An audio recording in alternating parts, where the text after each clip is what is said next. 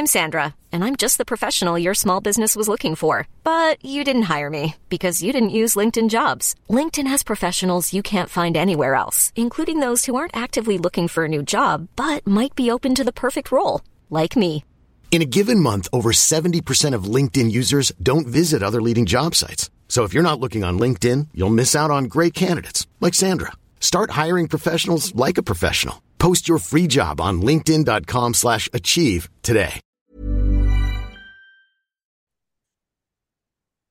Halo pendengar GG Podcast, balik lagi bersama kita berdua. Dan di sini kita semua berduka cita atas gugurnya MU dari babak ronde keempat eh, Piala Carabao eh, dengan kita takluk 3-0 dari Newcastle. Dan gimana Vin? Eh, perihal pemilihan starting eleven yang banyak perubahan tapi hasilnya juga nggak signifikan.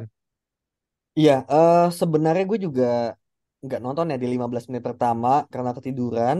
Tapi dari menit 15 ke atas gitu, sebelum kebobolan, gue merasa MU itu nggak se-free flowing ketika lawan Palace gitu. Karena ternyata mungkin gue baru sadar ya, Palace itu waktu itu menjelek banget mainnya. Pemainnya juga mungkin langsung eh, sit deep. Tapi Newcastle itu meskipun pakai tim B juga, dia tetap ngepres MU gitu dan itu bikin MU sulit buat mengembangkan permainan dan akhirnya gol pertama itu datang dari ya apa namanya eh, kecerobohan pemain kita sendiri gitu yang Garnacho bola, pertama kan. betul pegang bola hilang kemudian Mount sama Hannibal itu nggak bisa ngerebut yang mana ya itu questioning juga ya kayak at least Mount lah kalau Hannibal oke dia udah kuning gitu kan tapi Mount harusnya bisa do better kemudian di kanannya Diogo Dalot ternyata sangat mengecewakan gitu. Kayak gue sangat suka dia tapi di momen itu kayak lu blunder fatal gitu. Lu udah ngelihat oh ada Almiron.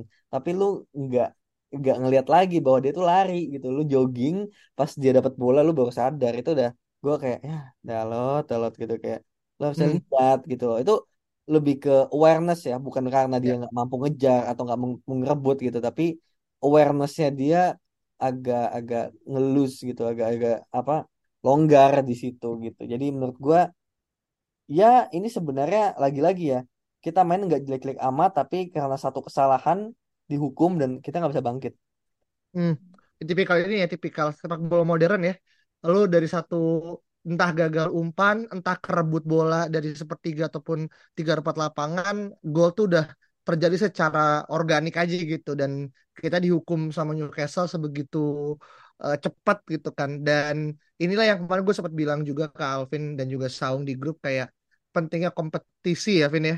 Dalam satu posisi tuh akan ngebuat seseorang tuh nggak dalam posisi zona nyaman gitu. Dan kita lihat Dalot udah hampir berapa match ya? 8 ada nggak ya? 8 match. Dia main terus kan? Iya Nggak yang gue ganti. iya yang gue bilang itu dia tuh dari lawan Nottingham Forest kita menang tiga dua itu literally main terus tiap pertandingan mau bek kanan mau bek kiri plus kalau international break dia main buat Portugal dua kali seminggu gitu. Nggak ada Hmm, gantinya gitu. Karena di Portugal emang dia juga bagus gitu. Jadi biasanya Cancelo di kiri Dalot ya. di kanan atau kebalikannya gitu. Jadi memang mungkin ya mungkin ada fatigue juga ada ke- kelelahan juga bikin dia jadi nggak fokus ya. Bukan Nah, bikin dia nggak bisa ngejar tapi lebih ke fokusnya itu. Dan itu kelihatan ketika MU kalah lawan Galatasaray dia nggak bisa duel sama Zaha dan ya itu kan iya kan? Dan blunder dia di situ blunder gedenya. Dan lawan Newcastle juga blunder gedenya yang leading to goal itu. Sayangnya ya once dia blunder itu langsung langsung fatal ke gol kebobolan gitu. Itu aja sih sebenarnya concernnya. Iya. Dan akhirnya babak ke- eh, sebelum babak kedua berak eh babak kedua dimulai, babak pertama Lewis Hall ya eh, lewat bola scrimmage di mana akhirnya dia bisa mencetak gol yang akhirnya ngebuat mungkin dalam benak kita semua yang nonton tuh ngerasa kayak babak kedua at least bisa lah nyamain kedudukan gitu kan. Eh, tapi ternyata hasilnya juga nihil dan malah ngebuat kita akhirnya kalah eh, 3-0 gitu kan dari gol dari eh, Joelinton gitu. Yang mana ngebuat kita udah bye-bye eh, dari eh, perlombaan di mana tahun lalu kita juara ya. Dan sekarang kita kalah di ronde ya 16 besar lah. Dan Newcastle resmi mendepak dua kota Manchester Evin ya dalam dua babak sekaligus gitu. Babak keempat, babak kelima hantem semua dan ya gue nggak wonder no wonder sih kalau misalkan Newcastle tahun ini itu bakal juara gitu. Ya untuk ngebayar lunas aja payback musim lalu gitu yang kita menang uh, dengan sangat dramatis ya. hmm. segala macam gitu kan. Tapi apa yang bisa lu pelajari karena kan kemarin uh, Bruno nggak main. Rashford juga nggak main dari awal gitu. Uh, dan banyak akhirnya yang merasa ini tuh bukan pemain-pemain tapi memang sistem gitu. Uh, di mana ketika kita ngedrop uh, mereka berdua kita berharap bisa lebih bagus atau kan nggak juga gitu. Nah lu ada tanggapan nggak untuk itu? Uh, menurut gue kayak Bruno Rashford memang pada akhirnya tidak membuat permainan MU atau sistem jadi baik, tapi ketika nggak main pun juga apa ya, uh, tidak terlalu membantu gitu, karena memang mereka ini bukan, buk, ternyata bukan apa ya, bukan utamanya, bukan masalah utama gitu. Jadi kayak mereka mereka tuh part of the problem gitu, part of the problem mengapa kita nggak bisa mengembangkan permainan sesuai yang Ten Hag mau gitu loh. Tapi kalau mereka nggak ada, ya tetap jelek juga ternyata gitu karena um, memang Bruno dan Rashford ini bukan masalah utama, tapi tetap masalah gitu loh gaya permainan mereka ya gitu. Nah masalah taktikal juga kita juga ternyata hari ini nonton ya pas konferensinya Ten Hag bahwa ternyata Ten Hag tuh udah punya blueprintnya, udah tahu mau mainnya kayak gimana, udah memutuskan, tapi sama eksekusinya nggak berjalan. Nah inilah masa eksekusi ini kan why-nya banyak banget. Dan gue lebih merasa ketika ini terjadi, ini masalahnya gue udah sering bilang dari kemarin ya. Ini masalah adalah dressing room gitu loh. Ini udah bukan masalah taktiknya lagi. Taktiknya oke okay, emang pemain pemain emang nggak bisa gitu. Tapi bahkan basic thing saja nggak bisa dilakukan dan itu udah lebih kepada dressing room gitu. Gue meskipun banyak yang ngedinai kayak oh ini tuh eh, hal-hal uh, yang dibuat oleh media gitu kan. Ada dressing room leaks gitu kan bocoran-bocoran itu gitu gue tetap merasa bahwa itu memang terjadi gitu loh karena sama nggak bisa dibohongi sikap-sikap pemain yang seolah menyerah gitu loh itu satu hal yang gue lihat bahwa ada something behind the scene yang kita nggak tahu gitu. Yang pasti sangat ditutup ditutup rapat-rapat dan jangan sampai media tahu. Bahkan uh, publik tahu gitu. Tapi kita nggak bisa apa ya nggak bisa dibohongi lah ya kasarnya gitu. Pasti ada something gitu yang kita nggak tahu. Itu aja dan sekarang menurut gue lebih kepada bagaimana Ten Hag pertama harus win the players dulu gitu loh. Sebelum benar-benar masuk ke taktik. Karena kalau Ten Hag lose the player lu mau taktik apa pun sebagus apa pun eksekusi nggak akan jalan karena pemain nggak akan bisa menjalani itu gitu loh jadi hmm. sesimpel win the players win the dressing room first gitu loh kayak ada uh, hal yang sifatnya mungkin um, apa ya, pendekatan pribadi personal yang dilakukan dulu, rekonsiliasi dulu, kalau udah baru lu bisa main dengan apa yang lu mau gitu. Kasarnya lu lagi nyuruh pemain lakukan hal yang nggak biasa mereka lakuin, ketika lu udah nggak dapet respect gimana? Iya. Gak mau ya kan? Berarti lu harus harus membuat mereka mau melakukan itu demi lu gitu loh. Gimana caranya win the players gitu ya? Gue nggak tahu caranya gimana. Gitu. Hmm. Jadi kejadiannya sama kayak apa yang terjadi mungkin di era Mourinho ya, di mana mulai ada friksi-friksi antar pemain dan juga pelatih yang membuat akhirnya ya endingnya kita tahu bersama ya dipecat ketika setelah pertandingan melawan Liverpool gitu kan. Tapi gue juga nggak berharap ini akan terjadi dan mungkin agak kebalikan dengan Ole ya, di mana Ole bagus dengan uh, man manajerialnya tapi taktikalnya mungkin yang kurang gitu kan. Dan ternyata di Ten Hag uh, kebalikan gitu. Ya kita gue pun pribadi ngerasa uh, waktunya Ten Hag buat muhasabah emang sem sem uh, sempit ya Vin ya. Karena lu Rabu main Sabtu atau Minggu main lagi gitu kan. Terus hari tengah tengah pekan main lagi Liga Champion. Ntar main lagi FA ada lagi gitu kan. Jadi kayak emang harus bener-bener itek sutu tenggo sih. Dua-duanya gitu. Pemainnya sadar pelatihnya juga sadar. Jadi emang ya. uh, iya kan. Karena banyak yang gue baca juga di Twitter uh, banyak orang bilang kayak ini juga pemain nggak profesional berarti gitu kan.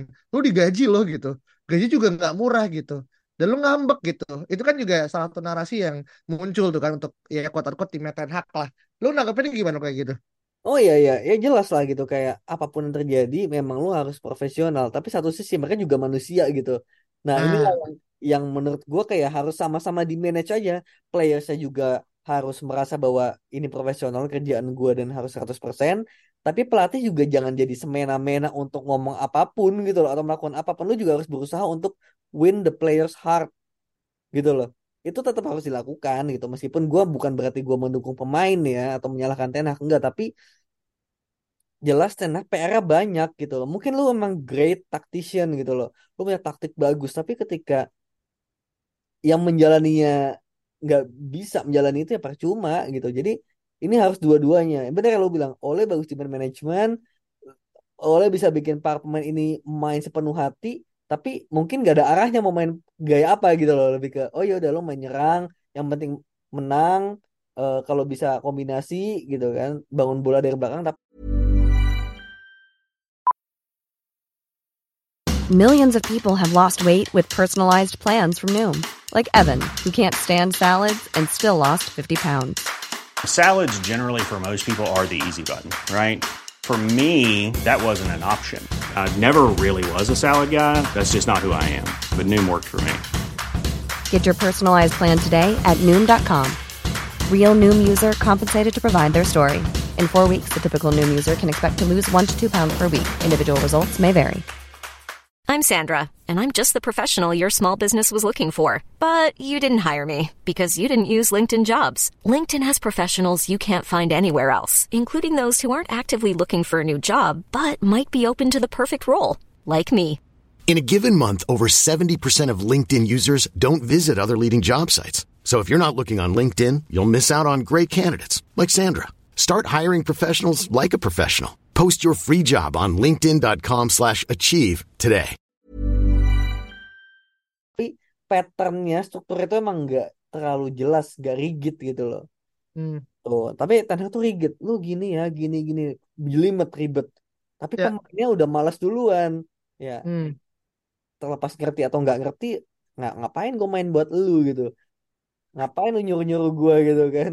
Gitu. Jadi kayak ada hal-hal yang sifatnya non teknis itu terjadi dan gue sangat yakin itu sudah terjadi gitu. Sekarang waktu Ten Hag tuh sangat sempit karena kalau kalah lagi lawan Fulham di away kemudian menurut gue ada satu kesempatan lagi yaitu Liga Champions. Away Copenhagen. Kalau di Copenhagen itu kalah lagi dengan cara bermain yang tidak meyakinkan it's it's, it's done menurut gue sih. Itu it's done tuh bukan berarti maunya gue ya tapi lebih kepada gue membaca pattern MU biasanya gimana karena kita udah berkali-kali lihat pelatih dipecat aja kita udah tahu nih Hmm. bau-baunya dan feeling-feelingnya kayak gimana gitu dan gue merasa ini tuh udah, udah menuju ke sana gitu gitu aja Hmm. Wah, ini agak sedikit membahayakan ya, karena gue nggak ngerasa memecat pelatih itu adalah best option gitu. Karena emang bu- bukan Ten Hag adalah main problem ya sebenarnya gitu. Dan kita semua tahu lah eh, semua akan beda kalau emang Ten diberikan apa yang mungkin menjadi eh, structure-nya dia gitu. Ketika mungkin dari mulai bursa transfer dan segala macam gitu. Tapi eh, kita mencoba melupakan dulu ya hal-hal yang kayak tadi dan kita eh, beri, eh, berpijak pada pertandingan besok Sabtu di jam setengah 8 malam di mana di pekan ke-11 kita akan bertandang ke Craven Cottage markas dari Fulham dan by the way Fulham juga pernah lolos ya ke tahapan babak kelima setelah mengalahkan tim Elkan Baggett di Portman Road 3-1. Jadi Fulham lagi dalam kondisi yang cukup oke secara mental kan dia baru lolos ke tahapan berikutnya gitu kan di Carabao dan dia akan mencoba untuk mempertahankan eh, kondisinya gitu kan. Eh, dan kalau kita ngeliat secara catatan record ya eh, sebenarnya MU dari total pertemuan 23 kali menang, 6 kali seri dan 3 kali kalah dari Fulham terakhir yang kita ingat ya Vin ya di kalau nggak salah musim lalu ya yang MU sama Fulham yang dramatis kan? Iya. yang kalau itu FA ya? Atau Kar atau Carabao ya? Yang yang dramatisnya pilihan kartu merah. Eh eh, apa ya? itu Liga lupa Inggris deh. cuy Liga Inggris. Oh, Liga Inggris ya? Iya iya. Iya Liga Inggris kan eh, terakhir kali. Eh, dan itu gue yakin sih buat fans Fulham masih membekas ya. Nah, gitu kan. Lalu ganti gimana besok Ya menurut depan gua, ya ya eh, ya menurut gua Fulham ini bukan tim jelek ya, tim yang bahaya, kiper bagus Bernd Leno, eh, cuma untungnya nggak ada Mitrovic lagi sekarang, gitu. Tapi tetap aja, tengah ada Palhinha, ada Andreas Pereira juga, jadi memang eh, tim ini tuh bukan tim yang mudah gitu. Kita di Old Trafford musim lalu aja kesulitan kan, away-nya kita harus nunggu gol Garnacho juga di menit akhir, gitu. Jadi menurut gue ini sama sekali nggak mudah, ini sulit menurut gue apalagi away dengan performa kita semacam ini jadi gue berharap lebih ke ah, jujur ya gue pengen nih gue pengen nih kayak gue kasih Ten Hag kesempatan buat uh, berusaha implement his style his principle his philosophy tanpa memendulikan kita menang atau kalah dulu gitu loh. Apa pun yang terjadi lu komit sampai akhir musim seenggaknya gitu loh. Tapi Hmm. kan kayaknya ya nggak berjalan seperti itu tetap di review eh, tergantung situasi kasarnya gitu loh. Itu satu hal yang kayak sekarang ini Ten Hag dipaksa untuk bermain lebih pragmatis karena yang penting menang gitu loh. Hmm. gitu. Once kita udah bisa bermain baik tiba-tiba kebobolan itu kita langsung panik karena kita ngejar target gitu loh. Nah ketika Hmm. udah panik itu mengejar target ya itu filosofi itu hilang akhirnya. Padahal mungkin sebelum itu kita lagi berusaha menjalani filosofi. Cuma namanya menjalani filosofi kan mungkin eh, ada kesalahan. Nah ketika kesalahan langsung fatal sayangnya gitu loh jadi itu sih kayak ini butuh waktu untuk long term project ini tapi kayak kayaknya sepak bola sekarang nggak bisa semenunggu itu itu yang sangat disayangkan sih kayak ya kalau lu ngulang lagi pecat pelatih pecat Ten datangin datangin pelatih baru lagi ya bakal gini lagi dua tahun lagi bakal sama gitu loh sampai kapan mau belajar jadi menurut gua ya seperti itu sih Hmm. Iya, iya, iya. Oke, ini kita akan jujur ya buat ya mungkin buat teman-teman juga yang mendengar uh, GGMI podcast, semua dari kita mungkin udah mulai kembali pada cycle uh, grief ya, berduka tapi udah mulai juga merasa kayak ya udahlah gitu. Kita berharap season tuh berakhir secepat-cepatnya walaupun masih jauh ya masih ada berapa? Mungkin 17 mungkin 20-an lagi. Iya kan untuk akhirnya selesai gitu dan mungkin saya baru di April gitu kan dan masih jauh tapi seolah-olah tuh kita pengen semua tuh berakhir di Desember segala macam. Nah, uh, untuk ngelawan besok kan tentu gue selalu berharap atau selalu ngerasa uh, pemain-pemain XM itu akan selalu mendapatkan uh, waktunya ya kayak kemarin Zaha nyetak gol, terus juga besok Pereira kayaknya sekarang lagi dapat angin segarnya gitu. Uh, dan dari MU sendiri untuk terkait dengan uh, tim nih Vin, mungkin starting apakah ada beberapa nama yang udah mulai bisa masuk mungkin ke bench? Karena gue kemarin lihat uh, hari yang lalu Ahmad Diallo ya udah mulai latihan sendiri kan di Carrington. Itu good. Dan juga Kobi Mainu juga udah masuk ke bench juga eh, pas laga lawan eh, apa namanya itu kemarin? Pas lawan Karabau kemarin eh, Fulham. Eh, dan juga eh, kemarin pas lagi regular kemarin cukup kurang bagus ya. Terus Hmm. banyak orang akhirnya yang nge-post videonya Alvaro Fernandez yang lagi dipinjemin ke Granada kalau nggak salah. Dan dia ternyata main, main- mainnya oke juga sih. Jadi Ya. kayak mempertanyakan kayak kenapa Ten Hag melepas Alvaro yang musim lalu juga di eh, Preston mainnya oke gitu kan. Malah akhirnya membeli Reguilon yang sebenarnya nggak kepake juga gitu. Juga di Tottenham gitu. Jadi banyaklah hal-hal yang akhirnya dicoba untuk ditabrak-tabrakin. Tapi untuk squad gimana Vin? Iya squad gue jujur ya gue udah kelulus sekarang kayak ah gue udah nggak tahu lagi. Karena kayaknya emang nggak banyak pemain yang bisa dipertahankan untuk eh, secara taktikal gitu loh seharusnya. Jadi sekarang lebih kepada apa ya? Gue yakin masih Onana kanannya Wan bisa ke Varane katanya udah balik Varane sama Maguire ya karena Lindelof sakit katanya. Kirinya ya antara Reguilon atau Dalot ya. Dalot juga nggak masalah lah gitu asal dia mungkin posnya diubah gitu. Mungkin Reguilon kali ya Dalot istirahat dulu.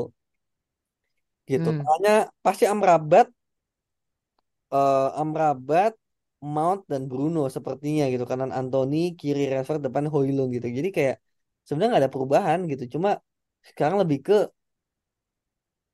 gimana caranya lu coba do basics aja dulu gitu loh win the players make players uh, want to do basic hal-hal simple aja dan nggak melakukan kesalahan elementer gitu aja dulu gitu. Itu menurut gue daripada mikirin menang ujungnya lu tuh harus pragmatis gitu loh. Lu dari awal udah masang McTominay lu udah long ball ya.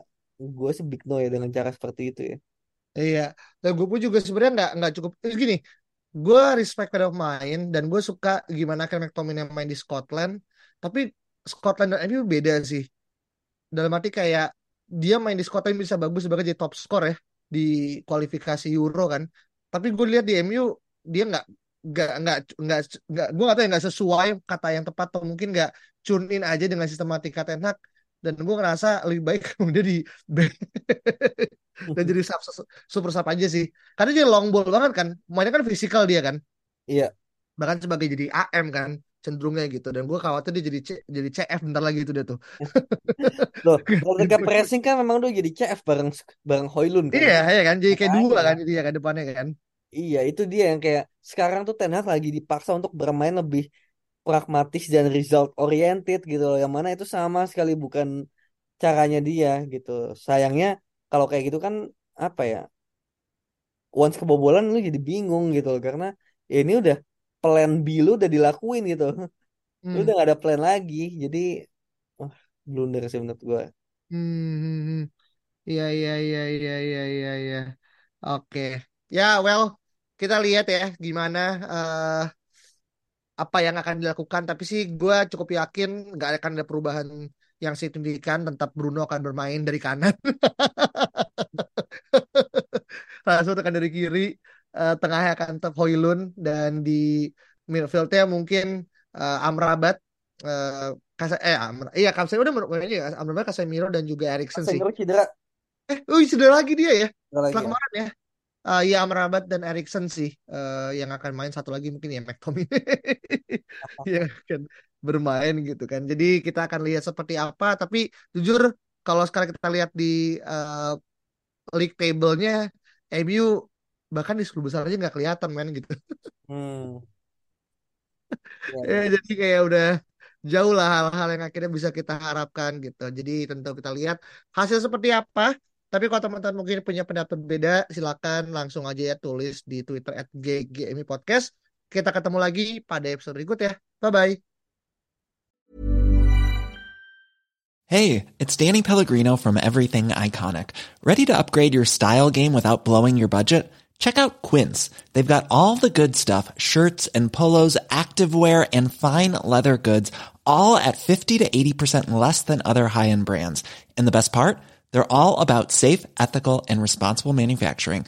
Get that luxury vibe without the luxury price tag. Hit up quince.com slash upgrade for free shipping and 365 day returns on your next order. That's quince.com slash upgrade.